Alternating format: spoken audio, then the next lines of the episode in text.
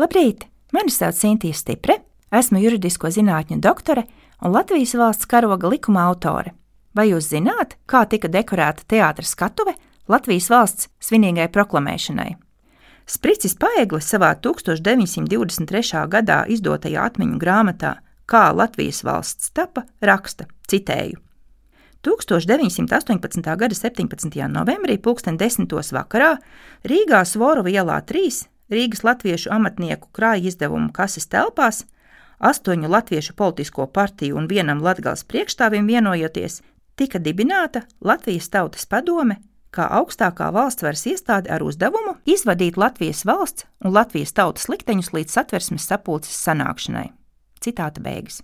Pretējā ielas pusē atradās centrāla viesnīca, kur naktī no 17. uz 18. novembri, izmantojot Krievijas revolucionāru sarkano karogu, tika pagatavots Latvijas karogs, kuram nākamajā dienā bija jāgrezno jaunā valdības sēka - latviešu amatnieku krāja izdevumu kases nams. Taču sarkanbalts-sarkanais karogs bija nepieciešams arī otrā Rīgas pilsētas teātra telpu dekorēšanai, kur 18. novembrī bija plānota Tautas padomjas svinīgā sēde un Latvijas valsts proklamēšana. Zāles dekorēšana bija uzticēta māksliniekam Jānim Kugam, kura atmiņu stāstus pierakstījis Alberts Brīvkalns. Citēju. Ar dziļu saviļņojumu Jānis Kuga atcerējās Latvijas valsts neatkarības pasludināšanu 1918. gada 18. novembrī. Rīta pusē pie viņa ieradies Atis Čeniņš un teicis, ka četros pēcpusdienā Rīgas pilsētas Krievu teātrī Nacionālā padoma pasludinās brīvu un neatkarīgu Latvijas valsti. Viņš uzaicinājis profesoru šim vēsturiskajam gadījumam dekorēt teātris skatuvi, uz kuras pasludināšana notikšot. Nekādu sevišķas vēlēšanās ķēniņš nesot izteicis, tikai norādījis, ka jaunās Latvijas karoks būšot sarkanbalts sarkans, un visu pārējo atstājis profesora ziņā. Profesors ar kundzi steigušies uz teātri, lai redzētu, kādi materiāli tur atrodami dekorēšanas vajadzībām. Izrādījies, ka teātrī neatraduši neko tādu, ko šī gadījumā varētu izmantot. Profesoram pēkšņi iekritis prātā, ka vienīgā dekorācija, ko tik īsā laikā varētu radīt, būtu liels jaunās Latvijas karoks, kas kā mātes villēne pāri visai skatuvei aptvertu un tātad simboliski sargātu visus tos Latvijas tautas pārstāvjus, kas šī svinīgajā aktā pasludinātu sengaidītās Latvijas neatkarību. Skatuves sēnos un priekšā, ja dabūtu, varētu novietot lauru kokus un citus zaļumus, bet kur ņemt drēbi karogam? Profesors ar kundzi apskrējuši visus lielākos veikalus, bet nekur nav atraduši tādu daudzumu sarkanās drēbes.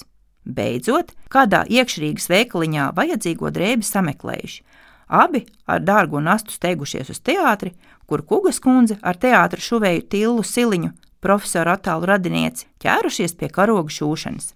Profesors ar Ernestu Udri un pārējiem gājuši sagatavot skatuvi. Tā kā karoga krāsu proporcijas netikušas pateiktas, tad šuvējas sagriezušas visas trīs svītras vienādā platumā.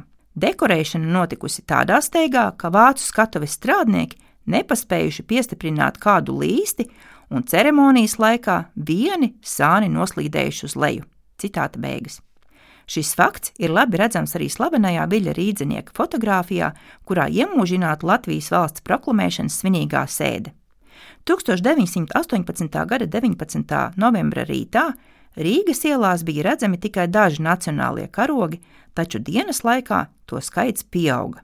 Laikraksts Baltijas ziņas 1918. gada 20. novembrī rakstīja, ar Latviju tautas karogiem vakar bija pušķoti daudzi latviešu iestāžu un privātie nami, tādējādi godinot pilsētā izziņoto brīvās Latvijas Demokrātiskās republikas nodibināšanos un pagaidu valdības sastādīšanos.